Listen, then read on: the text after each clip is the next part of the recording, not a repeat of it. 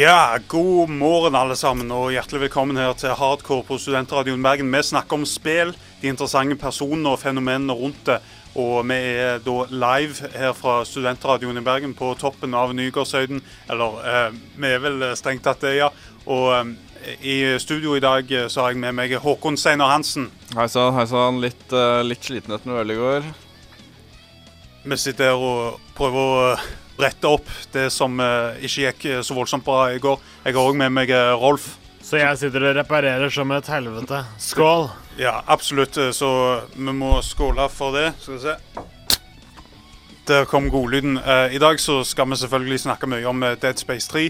Har òg mye å diskutere. Det har vært en ganske slow eh, nyhetsuke, så vi har mye interessante diskusjonstemaer som vi ikke har hatt tid til ellers eh, i eh, uka og ellers i sendingene. Så vi har mye interessant eh, og spennende nyheter ellers i forhold til programmet og masse annet. Så vi er rett tilbake etter dette med hardcore og masse spillsnakk.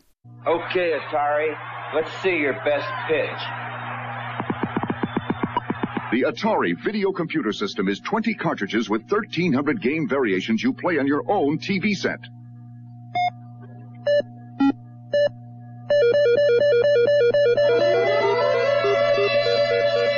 Du hører på hardcore eh, her på Studentradioen Bergen. Vi snakker om spill. Vi kan angivelig spill. Og vi har holdt på nå ganske lenge. altså Selve hardcore-programmet har røtter som stammer tilbake til faktisk 2005. Så det var litt løye. Jeg var, gikk eh, gjennom e-mail-folderen vår og fant faktisk de første, første Så om presse- to år så er vi ti år. Ja, det er faktisk så gale. Jeg har jo eh, naturligvis ikke vært med så lenge. Jeg begynte mitt verv her i, i 2010. Eller så var jo eh, Rolf om bord i 2011. Stemmer, stemmer. Og- da hoppa jeg opp i den skuta. Og, ja, og da ble jo også Sebastian med, og så fikk vi da med Seinar og Morå eh, i 2012. Morå er ute denne uka, det samme med Sebastian. Mye dramatiske omstendigheter, men regner med at vi får iallfall Sebastian tilbake neste uke. Eh, Jeg tror vi kommer til å se de tilbake i god form eh, ganske snart. ja. Mens moro koser seg gløgg i hjel på hytta. ja, fy faen. Det hadde vært godt med en ferie nå. Men det er ikke gærent å sitte og prate om spill heller. Nei, faktisk ikke, og jeg er glad du sier det, for eh, jeg Hadde vi bare eh, sittet rundt en peis nå med konjakken i hånda, og å tenke på disse teite lytterne, så Vi er på radio, vi kan gjøre hva vi vil. La oss si at vi sitter rundt en peis og koser oss med konjakk mens vi snakker om spill. Vi har jo en del uh, tall og statistikk, og det er ikke så ofte jeg ser på de, uh, rett og slett for Jeg vet ikke, jeg liker kanskje å leve litt i uvisshet, men eh, jeg fikk jo komplett sjokk da når jeg så at vi har eh, på eh, julesendingen vår, som da var relativt spek spektakulær, med intervju med Rain. det er ikke noe AS. særlig når konjakken smaker øl, vet du. Ja, og vi, vi drakk jo ganske mye da. Vi var jo relativt fulle på, på slutten, så den fikk faktisk i løpet av da bare desember måned, så fikk han over 1000 nedlastinger, som da er Det er ganske bra. Jeg, eh, jeg ser meg godt nøyd eh, med det, og jeg regner med at vi kommer til å ekspandere mer og mer nå som får mer og mer tid til programmet. Så dette jo, bygger jo på en filosofi jeg har sittet og tenkt ut dette programmet ganske mye, og det jo krever jo mye frustrasjon for å komme på det nivået som jeg føler at vi har kommet på. da, og Vi skal enda mye lenger. Har ikke tenkt å leve på latsida. Positivt overbevist om at eh, meg og, og mine partnere kan eh, gi eksellent spillunderholdning. You're and your associates. Ja, Steinar. Nei, Vi får vel egentlig bare si takk til lytterne også, som gjør at vi kan være her og ha det gøy. Ja, Til tross for at vi kan av og til være litt brutale med oss sjøl og med lytterne, så er vi selvfølgelig voldsomt takknemlige for det. Spesielt eh, takk til Rune J, som sendte en veldig flott tweet og, og sa at han koste seg med, med hardcore. Det er hyggelig å høre. Jeg, er- jeg er ydmyk og veldig glad for det. Ja, jeg mente ikke det jeg sa om at dere var teite og sånn i stad. Det var bare tull, for det var liksom Jeg tenkte på han som satt borte på hytta der, og så Men ja, nei, beklager. Skal du få ris, eh, så må du òg få litt ros. Eh, Så eh, nei, vi har eh, Vi kommer til å fortsette på den samme tralten i hardcore. Prøve å legge mer og mer produksjonsverdier, skaffe kule intervjuer, sånn som vi intervjua en av skaperne bak eh, Darkfall Online eh, sist uke, Ricky Sikkenger. Så jeg eh, ser på 2013, som vi har kommet til nå, med ganske stor entusiasme. Og ja, som sagt, veldig takknemlige for alle lytterne. Så uh, vi er rett tilbake. Vi skal snakke om uh, det som er da topp fire rareste spill som noen gang har blitt lagd. Så jeg har gravd dypt i arkivet for å finne ut uh, de som iallfall jeg syns er interessante.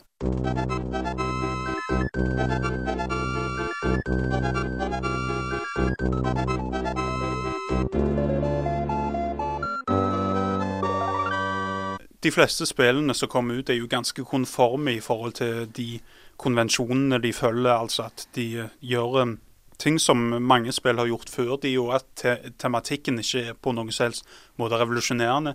Det skjer jo fra tid til annen at vi får spill som f.eks. Journey og andre spill som da velger å ta nye retninger. Minecraft som velger å bruke kreativiteten vår og gjerne ensomhetsfølelsen vår og andre ting for å gjøre spillopplevelsen bedre. Men så er det noen ganger at spill rett og slett blir så bisarre og brutale og ukomfortable at eh, de da havner på da en topp fire-liste over de rareste spillene. Men er det da fortsatt spill?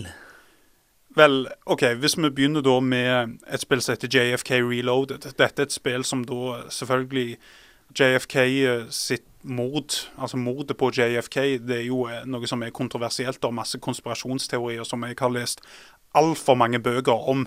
Uten at jeg vil gå nærmere inn på det, men altså, det er jo da heftige tvil i forhold til om det er mafiaen eller CIA eller hvem faen andre som har vært med å drepe han. Men så er det da en som i 2004 lagde et spill eh, der det er akkurat sånn så ja, et sniperspill eh, der du står da oppe i det der Texas Book Depository i, um, utenfor eh, Altså i Texas. Det inni eh, den delen av eh, Book Depository som Lee Harvey Oswald står i, og så står du da med ei sniperrifle. Gammel, dårlige sniperrifle, vel å merke med, som har veldig dårlig reloading-frekvens. Altså det, det er vanskelig å treffe uten at det er enkelt å da videreføre i et spill. Men hva skjer hvis du ikke treffer? Blir du oppdaga? Blir du tatt? Nei, da bare kutter skjermen til sort, og så gir han deg score. fordi at altså, ut ifra hvor bra du skyter da JFK, så får du poeng. Hvor, hvor mange, Er det sånn at du har x antall kuler? JFK, om jeg ikke husker feil, han ble jo skutt eh, med tre kuler. Så du har tre kuler å ta den på. Hvis du treffer med alle tre, så får du topp utbytte. Hvis det er headshot på alle tre og Den som faktisk traff best, den fikk Jeg lurer på om han fikk en donasjon fra spillets skaper på rundt 10 000 dollar. Hva syns amerikanerne om dette? Det kan vel egentlig ikke ha blitt tatt så veldig godt imot. Du kan jo tenke at uh, altså Amerika, de, bare at noen viser en pupp på Superbowl, så er det jo kjempestore kriser. Men er det, tror du egentlig de er så hårstore på det? De elsker jo våpen der borte. NRA er jo Altså, de får hardons bare de ser en, en pistolkule. Når det er sånn at du åpner en bankkonto, og du da samtidig får en rifle på kjøpet, og så går Jeg vet ikke om dere sitter bowling for Columbine når Ja. han der, Michael Moore går inn i en bank og så skal åpne en konto, og så, og så får han en rifle, og den rifla er selvfølgelig ikke noe han bare får i hånda ute i banklokalet. De må inn i hvelvet sammen med pengene. Det, det. Fantastisk, fantastisk. Men tenk om vi har dratt dette konseptet videre, da. Tatt det inn til framtida. Altså, du er eh, Ku Klux Klan oppstår, og du står der og sikter på Obama. Ja, det Tenk hvor jævlig ukomfortabelt det hadde vært å håndtere spillpressen da, altså. Det må jo være, altså, må være noe med tidspunktet her som er- gjør at det er mulig å lage. Altså 50 år har kanskje gjort Eller 40, eller hva det blir for noe. Ja, han ble jo skutt i skal vi se, 63, så noen år har jo passert. Er Så røftlig, røftlig 50 år. Men eh, det, det må være noe med inkubasjonstid her. Altså, det her sånn hadde ikke vært greit uh, i, i 1967. Det er at ikke greit å lage et spill nå om at du kjører to fly inn i noen tårn. Det ja, En- jeg, Enda mindre en, eh, en slags eh, sommerleirutgave av, eh, av Nei, Tusen nei, jeg synes- Nå bare Nei, nei, men det, det, det er det jeg mener, da. Det er, det er en så stor kontrovers at det, er, det, er, det, er det rart, eller er det bare, eller er det bare for å, for å kødde med folk og gjøre folk forbanna? han som skapte dette her spillet, sa det var at uh, han ville bidra til da, at folk liksom går gjennom dette her i hodet sitt. Var det faktisk mulig å ta denne her, The Magic Bullet, som da angivelig etter det Warren Commission kom fram til, om kulene da kunne gå i et veldig rart sånn Altså når kula blir skutt og han treffer huden, så oppfører kula seg på en helt spesiell måte, mens på denne her måten, som da Warring Commission, som da ble oppnevnt til å gå gjennom JFK sitt mord, eh, fant ut at denne kula hadde gått en helt sånn bisarr måte, sånn helt grafer som var da nesten fysisk umulige. da. Så det var mest sannsynligvis en trollmann som drepte JFK. Ja, med cyberbullets eller hva faen. altså Det er jo, det er jo helt bisart, hele de greiene. Ellers er det òg et spill som heter Mr. Mosquito, som faktisk er litt fe festlig, der du da spiller en mygg. Du spiller en mygg som skal Nå skal jeg faen av mikken din. Uh, du spiller faktisk en mygg som du skal, du skal suge blod. Sånn at det er akkurat som sniking, bare med flyging. Det er jo ikke så mange spill som kombinerer flyging og sniking. Så da skal du fly deg inn intetanende på ofrene, og så må du heller ikke suge for hardt, da, eh, bokstavelig talt, for at uh, de ikke skal begynne å klø. Men lager jeg... du denne irriterende busselyden, så du må liksom Nei, altså du er jo ti ganger mer irriterende enn det, den uh, myggen noen ganger. Well done, Rolf. Takk for det. Men det, det spillet er sånn Det er Når jeg Altså, når jeg leste liksom researchen på det her, da, jeg, da tenkte jeg det her sånn, hva faen er det her? Men det her sånn kom jeg på, det her sånn har jeg faktisk spilt. Det her har jeg spilt. Ja, det fikk faktisk distribusjon her i Norge. Jeg har en av de ganske få kopiene som er å oppdrive av dette spillet. Ja, men det, er men- det her mener jeg at jeg har prøvd. Altså, ikke, jeg aner ikke når, men eh, det høres eh, utrolig kjent ut. eh. Jeg kan se for meg at det er et ganske vanskelig spill å selge, så dermed så har de gjerne hatt det da i som demoenhet eller noe sånt, eller og hatt en demo på disk. Men hvordan var det du spilte dette her? Du Det som er med meg, det er at jeg kjøper masse spill som jeg aldri klarer å spille. Du må tenke at jeg har nesten 1000 spill i samlingen min. Det er ganske mye. Det er ganske mye når hver av de spillene da kanskje tar 10-60 timer å spille hver. For jeg eh, samler stort sett bare på japanske RPG-er, som da er altfor lange, og jeg har ikke tid til det. Men Mr. Mosquito var ikke en japansk RPG. Nei, men det er jo selvfølgelig japansk, da. Men var det sånn at du liksom Det var om å gjøre å få f.eks. da høyest rus, så hvis du klarte å finne en narkoman og suge i deg blodet hans, så fikk du liksom ekstrapoeng, for da ble myggen høy i samme slengen? Mr. Narkoman. Det var et kult uh, spillkonsept. Hva med sykdommer? Er det noe sånn som uh, Nå husker jeg ikke hva mygg gir deg i Nei, du- Malaria, for Malaria? eksempel? Ka- Er det noe malaria-modus? Eh, ikke sånn som jeg husker det hadde jo vært altså, tenk, Noe sånn boost du, kan jo, mode? du kan jo Sett da at du er en, altså en blodsuger, så suger du blod fra en som har aids, og så, du, og så suger du en annen senere. Sant? Altså, det, det er ganske skumle scenario som da med en gang opptar seg. Og tenk altså at du hadde da et spill der du spredte aids, sånn som det er i det der Kids-filmen fra 1995. altså. Ja. Sant? Eh, Det er gjerne en kontrovers som en er litt ferdig med, men altså, aids det er jo helt fryktelig. Og det er jo voldsomt stigma rundt det, så jeg tviler på at eh, det kommer noen vei. Ellers er det òg helt kort eh, noe som heter Super Columbine Massacre RPG, som da er lagd i RPG Maker, som da er et eh, enkelt uh, grensesnitt for å lage et uh, spill uh, som altså, ligner jo på tidlig Final Fantasy 3 og Pokémon. Det, uh, det er egentlig litt trist, da. Uh, Syns jeg det er mye tristere enn altså, Mr. Mosquito og, og JFK Reloaded, i og med at det da henholdsvis handler om en mygg og altså JFK som ble skutt. At du da eh, skal gå inn på denne skolen og så snakke med folk, og så eventuelt drepe de. Det, det, er, jo, det er jo for så vidt interessant, men dette her spillet kom jo ut eh, for ikke så voldsomt lenge siden, 2008. Og da var det jo fortsatt eh, mye kontrovers i forhold til Og selvfølgelig mange som er da pårørt av dette. og Det er derfor jeg syns at en bør jo ikke lage noe spill ut av Utøya eller noe sånt. altså Det, det går bare ikke. Det, disse her menneskene er, er, kommer til å bære på dette så lenge at uh, det er ingen måter, for meg iallfall, å rettferdiggjøre det på. Det er aldri OK å spille the bad guy. Men så, hvis man tenker over det, så har det lagd veldig mange spill fra andre verdenskrig, så kanskje 60 år, så er det, så er det greit. det. Ja, det er skummelt når du setter det sånn opp. Men det er klart, da spiller du stort sett, eh, stort sett eh, den vinnende siden. Det gjør man jo. Ja. For det hadde jo vært kult å fått spilt det fra tyskerne sin side. Iallfall nå som det har en såpass stor distanse i forhold til historie. Problemet hvis tyskerne skulle lage det, det er at alt blodet det måtte jo vært grønt. Ja. Ja, og så måtte du snudd alt. Altså, det måtte jo vært sånn at Du måtte jo hatt en alternativ slutt da på hele spillet, hvor Tyskland faktisk vinner, og alle jødene blir utrydda? Jeg, jeg tror kanskje det hadde toppa lista her, sånn hvis, hadde, hvis det hadde blitt lagd. Ja, men uh, The Super Columbine uh, Massacre RPG, det må jo være et av de, Skal vi, si, skal vi si det er en foreløpig nummer én fram til, uh, Iallfall verden- mest ukomfortable. fram til World War II-spillet kommer, der hvor det skal være eh, Tyskland og utrette jødene. Ut, hva heter det? Ut. Ja, ut- nei, altså, du skal, du skal dusje dem, slenge de inn i Nei, vent. Nei, nå, vi går videre Vi nå. tar, vi tar det. Vi gir Ja, oss. Vi gir oss. nå holder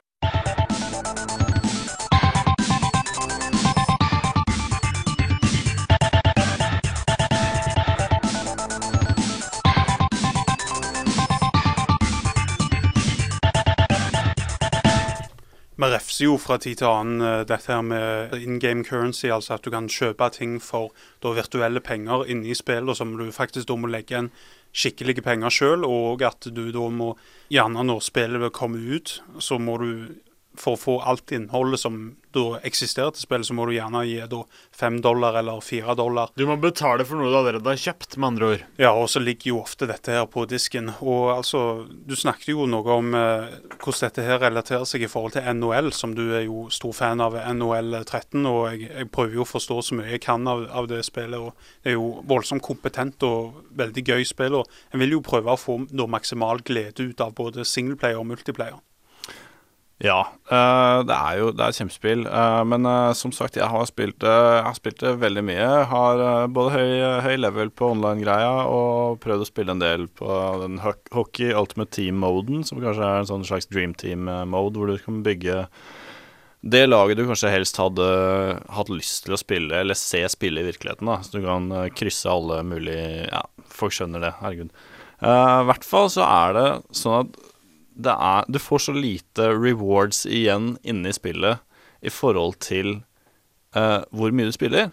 Så du balanserer så på en knivegg i forhold til om du klarer å holde dette laget i gang, med mindre du bruker faktiske norske kroner, eller, eller euro, eller svenske kroner, avhengig av hvilket land du er, selvfølgelig. Men hvis du ikke bruker dine egne penger, så klarer du ikke å holde laget i gang. Og det Jeg blir jævlig forbanna når jeg sitter der og og jeg har, jeg har betalt 600 spenn for det spillet her, og så, og, så, og så er ikke det nok. Du må, du må kjøpe ekstra ting for at du skal klare å holde en spillmodus i spillet i gang. Jeg skjønner med WoW som skal drifte masse servere, og liksom at alt baserer seg på den nettgreia, men her sånn som liksom det, Jeg syns ikke det rimer helt, da. Men er det det som på en måte er meninga, at du skal kjenne litt på den frustrasjonen, den derre Det å være en manager, da, hvor frustrerende det kan være, og den, alt det arbeidet som ligger bak.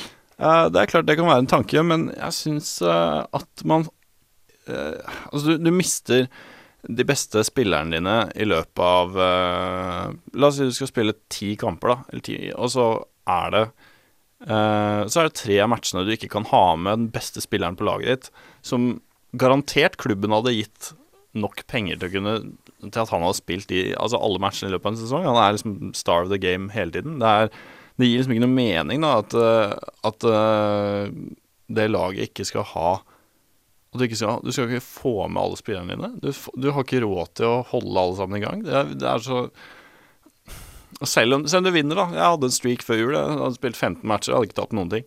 Allikevel så klarte ikke jeg å holde spillerne i gang. Så det, det, vil, det vil da si at du, selv om du vinner, så vil, får du ikke inn nok penger til å holde det laget du hadde, det du har, det du har vunnet med. Ja, da må jeg begynne å enten selge La oss si jeg må selge fem dårlige spillere, eller selge stjerna på laget for å skaffe noe som heter contracts. Da. Du, har, du gir de så og så mange kontrakter, det er på antall kamper, da. Eh, så la oss si du trenger Du kan gi de tolv eh, kamper, eh, med, altså kontrakt for å spille tolv kamper, men så får du plutselig ikke Så har du ikke nok penger til å skaffe de kontraktene, og så ender du opp med å måtte selge stjerna på laget ditt. Da. Det er jo ingen som gjør det med mindre du er ruin. Og la oss si en faktisk NHL-situasjon, eller det er sånn det gjelder også for Fifa, har jeg hørt av kamerater som spiller det mye, er at det er jo ikke, det er jo ikke et lag som vinner 15 matcher på rad, som sliter med å betale stjernespilleren på laget. Han som antageligvis produserer aller mest mål og sånt noe. Så jeg, jeg syns det er veldig det er, det, Det er jo helt ulogisk. Det bryter jo mot alt. Det er Ja, jeg tenker iallfall at du må jo ha et sånt realisme at hvis du da gjør det bra, så, så klarer du jo faen å holde hjulene i gang, som du sier.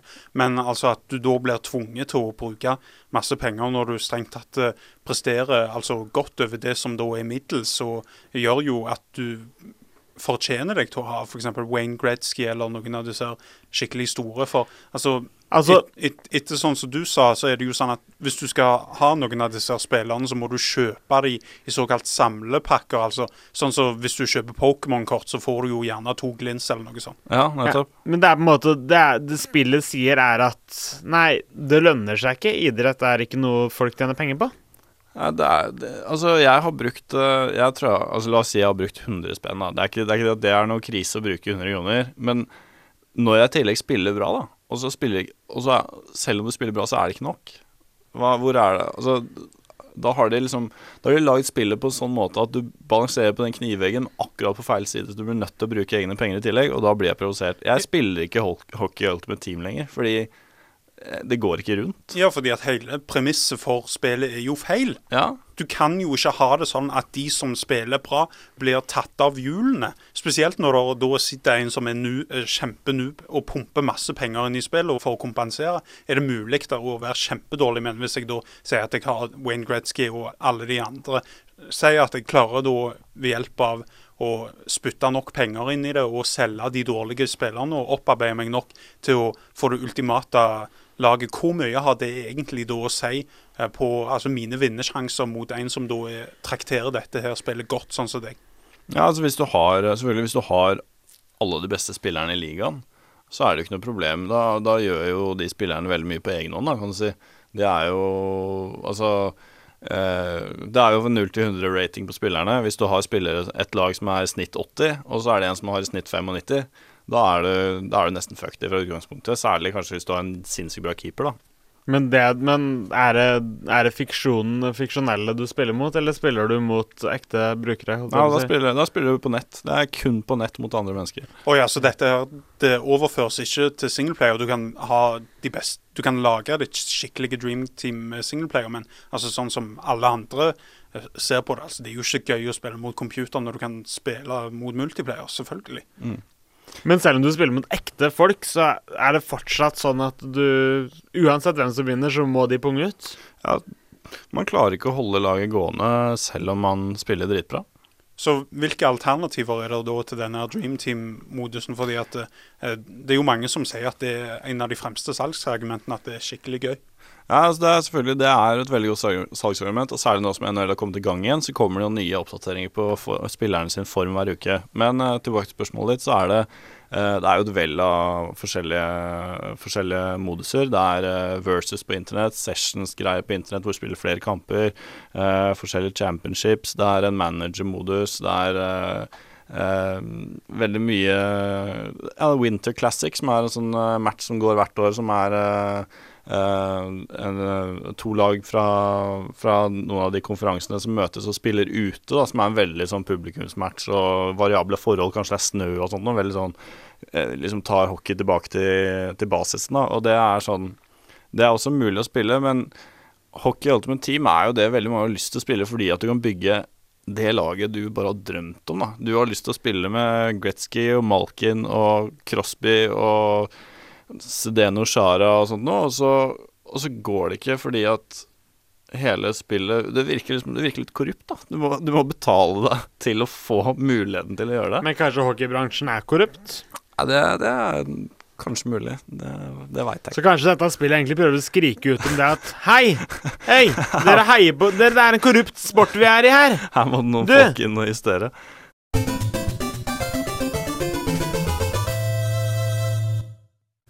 Det er tid for å ta et tilbakeblikk på Dead Space 2, nå som eh, Dead Space 3 har kommet ut. Jeg har fått spilt det en god del, så vi er straks tilbake med det. Men har ikke du jobba i EA, eh, Håkon?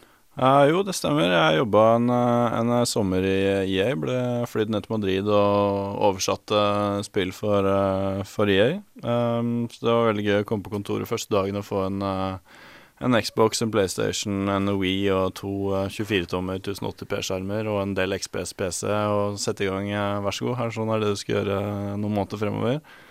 Uh, men i i hvert fall på kontoret så, så ble det jo lodda ut uh, noen kopier av forskjellige spill, og Dead Space uh, var jo uh, Det her som var i 2009, da, da hadde jo Dead Space allerede hatt et år på, på benken, men, men jeg fikk, jeg, fikk, jeg vant spillet, og det er noe av det skumleste jeg har spilt hele mitt liv. Som jeg skal gå ja, hvor, hvor, skummelt er det? Er det skrike høyt skummelt, gjemme seg under pute? Jeg har spilt en time. Jeg har ikke tørt mer. Jeg skal komme nærmere tilbake til det. Men uh, først så har Håkon Nessemo tatt et tilbakeblikk på Dead Space 2, så vi gleder oss til å høre det.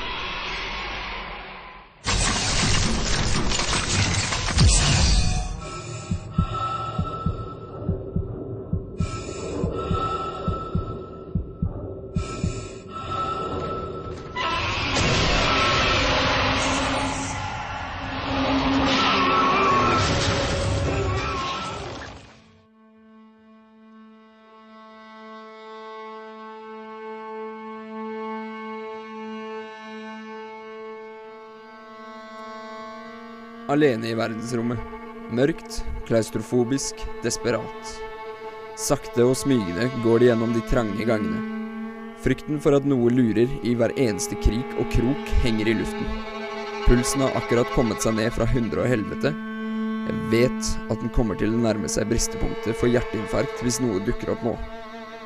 Jeg fortsetter inn neste dør og beveger meg med ytterst forsiktighet til andre siden av rommet. Det uunngåelige skjer. Et voldsomt skrik, et brak, og panikken bryter ut nok en gang.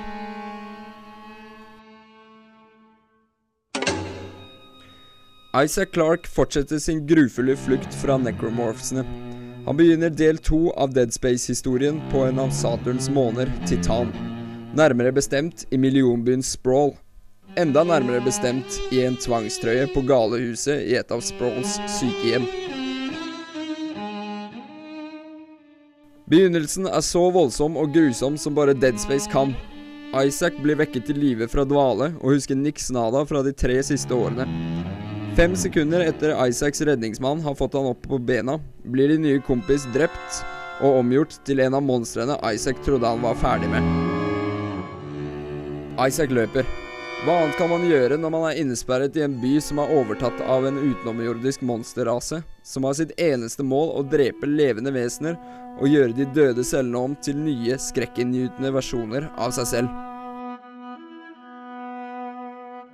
Den enestående atmosfæren gjør at dette henger igjen som en spillopplevelse garantert verdt å pine seg gjennom. Når jeg sier pine, mener jeg det på den flotte, men ekle følelsen man får av en god skrekkfilm. Spillserien er i seg selv en hyllest til den skumle delen av film- og spillverden. Navnet Isaac Clarke er et vink til science fiction-forfatterne Isaac Asimov og Arthur C. Clarke. Hvis du får flashbacks til klassikere som Alien og The Thing med en dash av Resident Evil, er du på rett spor. Dead Space 2 er mer actionfylt enn sin forgjenger, men det handler fortsatt om å lemleste romzombier på en smart og taktisk måte. Fiendene dør fortere hvis du fjerner lem etter lem, i stedet for den klassiske horrorskytingen, hvor man helst skal sikte etter hodet. Har ikke du hatt den grufulle gleden av å skjelve deg gjennom Dead Space-spillene, så gjør det nå. Her har du timevis med forferdelig god science fiction horror. I tillegg kom nummer tre i rekken ut den 7. februar. Hvis ikke du har sitret i spenning etter det nye kapitlet i fortellingen om Isaac Clarke, kommer du til å gjøre det etter dette.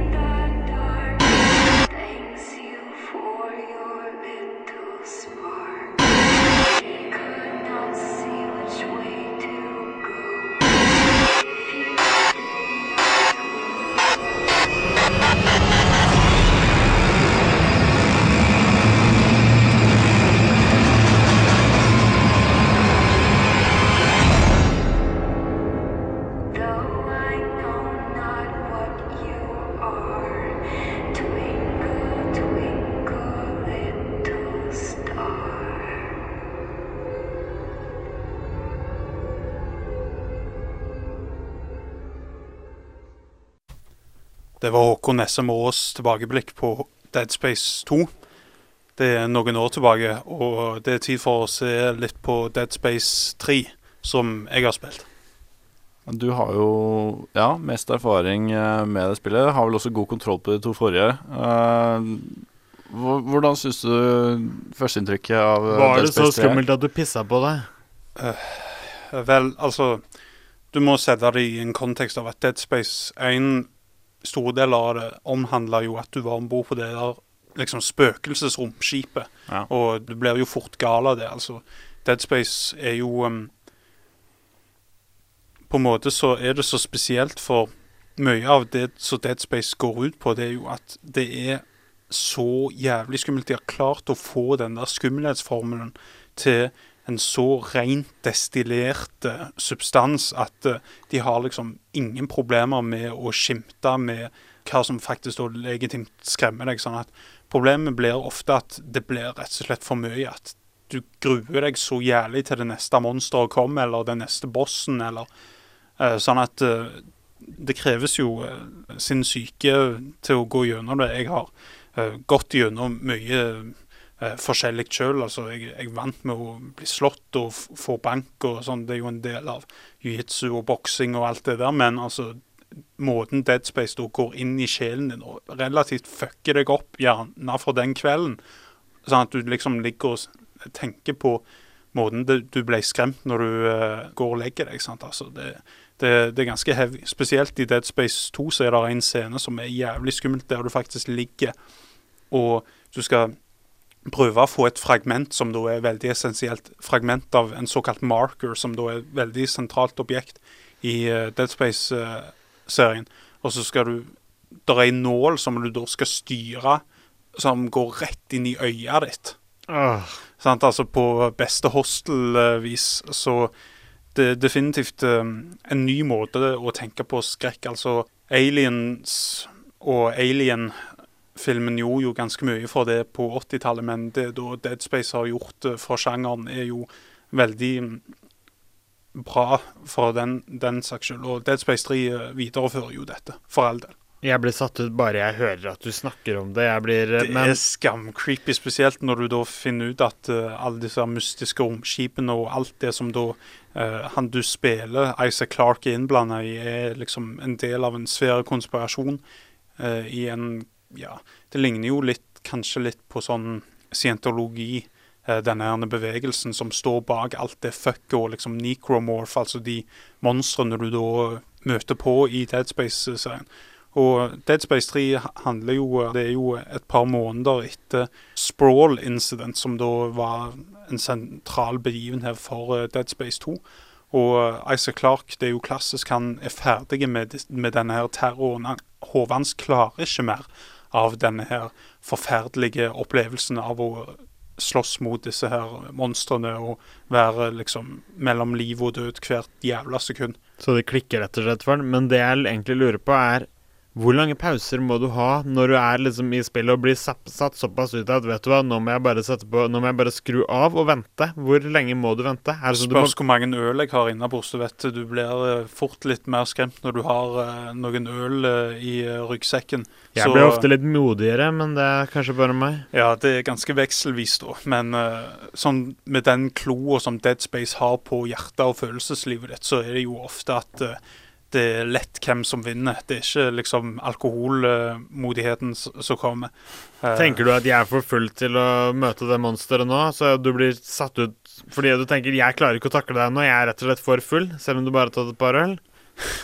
Vel, problemet er jo eh, først og fremst at um, Dead Space går som sagt så jævlig inn i hodet ditt, og det blir jo Uansett i hvilken stemning du er, så klarer han å drepe da enhver form for altså tilstand der du føler deg eh, behagelig. Og, Så det er kanskje ikke så dumt å ta en runde med Dead Space hvis du har liksom tatt og, tatt og chugga ned på en sixpack og så funnet ut at faen, jeg må kjøre bort til mormor, så er det kanskje lurt å spille Dead Space, så blir du Jeg tror, jeg tror vi kan si at bilen burde stå uansett hvor mange pils du har tatt. Uh, det var kanskje ikke det du spurte om.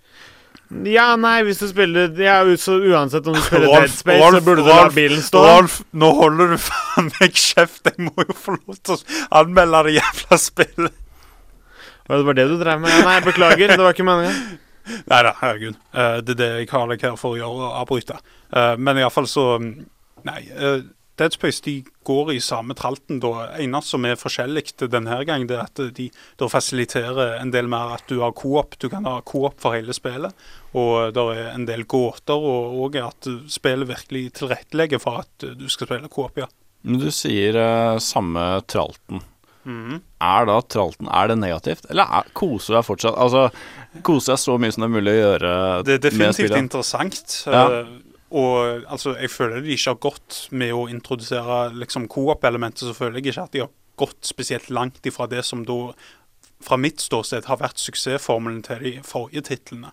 Og det er jo interessant da at du faktisk har en triologi som ikke faller sammen. altså Hvis du ser på Assassin's Creed, og spesielt hvor mye shit som Assassin's Creed 3 og Assassin's Creed 1 etter hvert har fått, så er det jo imponerende at de klarer å lage et singleplayer-system sånn som de gjør, og introdusere coop uten at det blir legitimt altså forverra kvalitet. Det skal ganske mye til. Hvis du tenker på altså, de filmtriologiene som har fucka seg totalt etter én film. Så hvis du ser på Dark Knight-triologien, altså der gikk det jo relativt stødig gjennom tre spill, nei, tre filmer, så da er det jo gøy å se at eh, dette her faktisk har At denne formen 3. Ja, det er heldigvis litt forskjellige oppfatninger om akkurat den. Ja. Men iallfall så Dead Space 3 fuckings killer. Det er dritgøy å gå gjennom det islandskapet og fortsatt være Isaac Clark han har liksom fått uh, den gamle gjengen uh, sammen, selv om han bare går alene da, først og fremst. Så du får virkelig den følelsen av uh, Så han er sinnssyk? Han tror at han har den gamle gjengen bak seg? Vel. Jeg vet da faen hva jeg skal svare på disse spørsmålene. Herregud.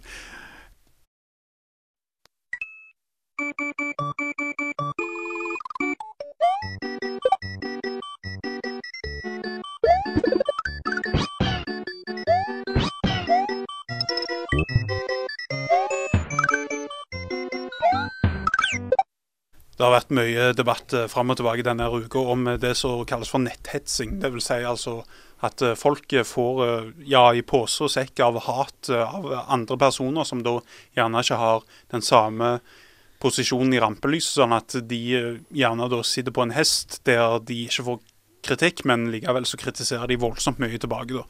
Og mm, det er jo noe som òg gjelder for hardcore. Eh, Blant annet så var det en som en eh, Vegard von Rosenlund som da mente at, eh, at vi mister lyttere pga. at eh, jeg er så usmakelig. Og ja, det, det kan være godt være at jeg er usmakelig, men det eh, hvis du slikker den godt bak øret, så smaker det faktisk litt salt, og det er jo ikke så usmakelig.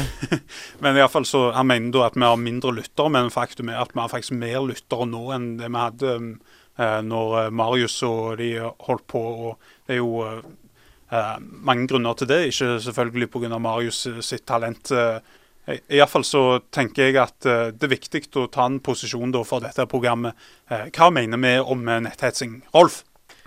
Ja, nei eh, Hvis jeg, at, hvis jeg skriver at eh, jeg skal voldta deg, eh, og at jeg håper at eh, du blir voldtatt, eh, hva slags eh, følelsesmessig reaksjon eh, er det for eh, hos deg for? Altså Mannlig voldtekt er jo noe som er tabubelagt, og Ja, noe som nei. vi helst ikke vil bli utsatt for. Mm. Nei, det er helt sant, men altså når er, når det står at uh, Tormod Husebø skriver det, da kjenner jeg det at jeg tar det ikke helt sånn veldig seriøst.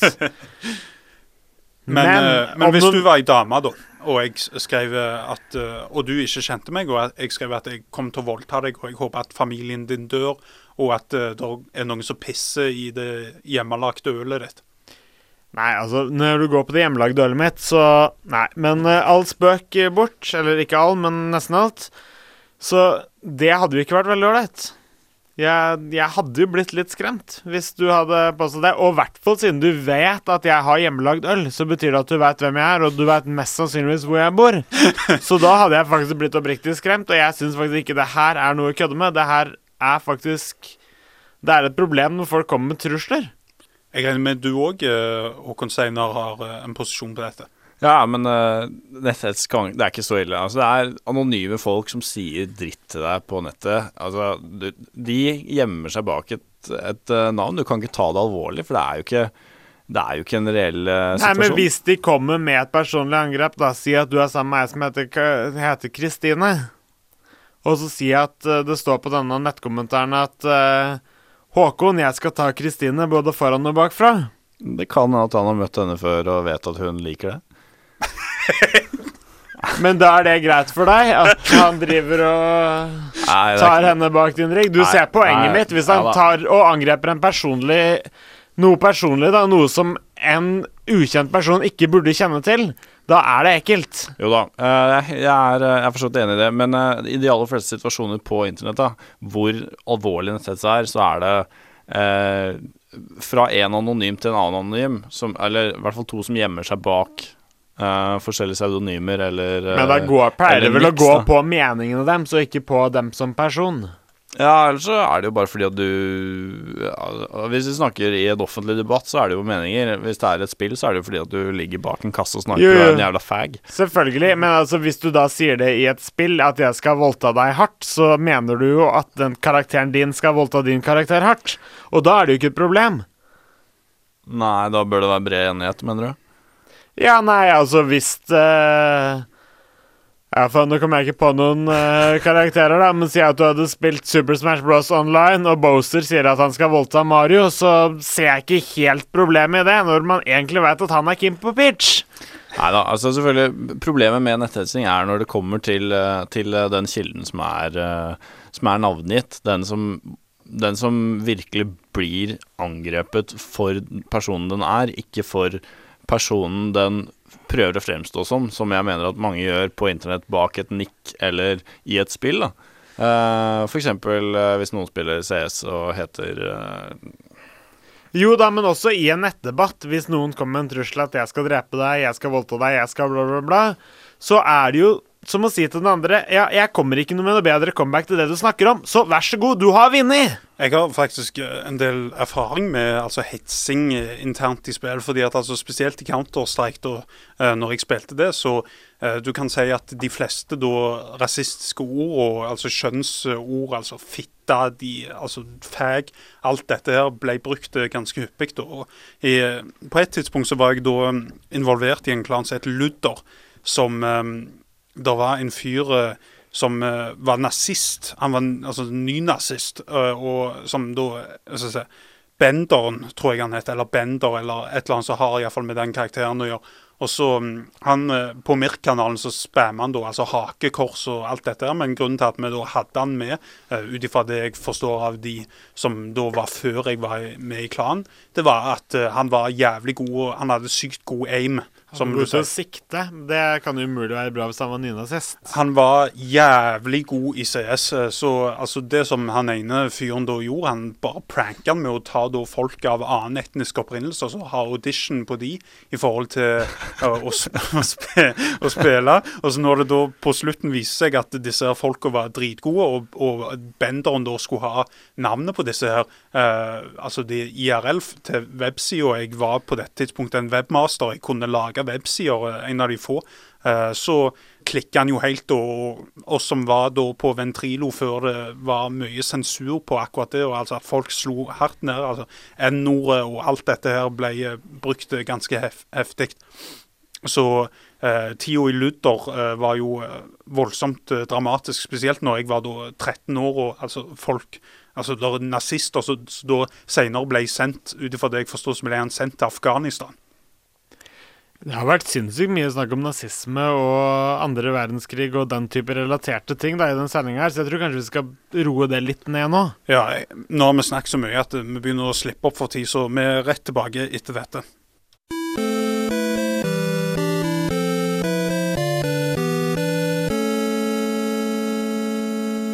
Ja, vi hadde egentlig masse annet vi skulle snakke om denne her eh, sendingen, så vi har mer enn nok eh, materiale til neste gang, ja. Så ses vi neste uke. Vi Bare drit i topp fem-lista mi med heite babes fra spillverden. Det Ja. er helt greit. Eh, Men altså, vi har tid til å komme til det til en annen gang. Du kan sjekke ut Så mer hadde jeg satt opp Raga Rockers på spillista. Faen, altså. ja, Fuck your life. Uh, vi har uh, at eh, en del diskusjoner i dag f.eks. om netthetsing og om Dead Space 3, og om altså in game currencies, så jeg håper at uh, dere har sett pris på det. Hardcore kan du finne ut mer om på Twitter, hardcore understrek SRIB, og Twitter og hardcore på eh, iTunes og alle de vanlige kanalene, og hardcore.srib.no, for å finne ut mer om oss og hva vi driver med, og alle podkastene og sånn. Så i dag så har jeg hatt med meg et eh, flott mannskap med Håkon Seinar Hansen og, og eh, Rolf Torén, som har vært jævlig full i dag. Så da tror jeg vi, vi ender på den uh, høye noten uh, fra Hardcore på Studentradioen Bergen.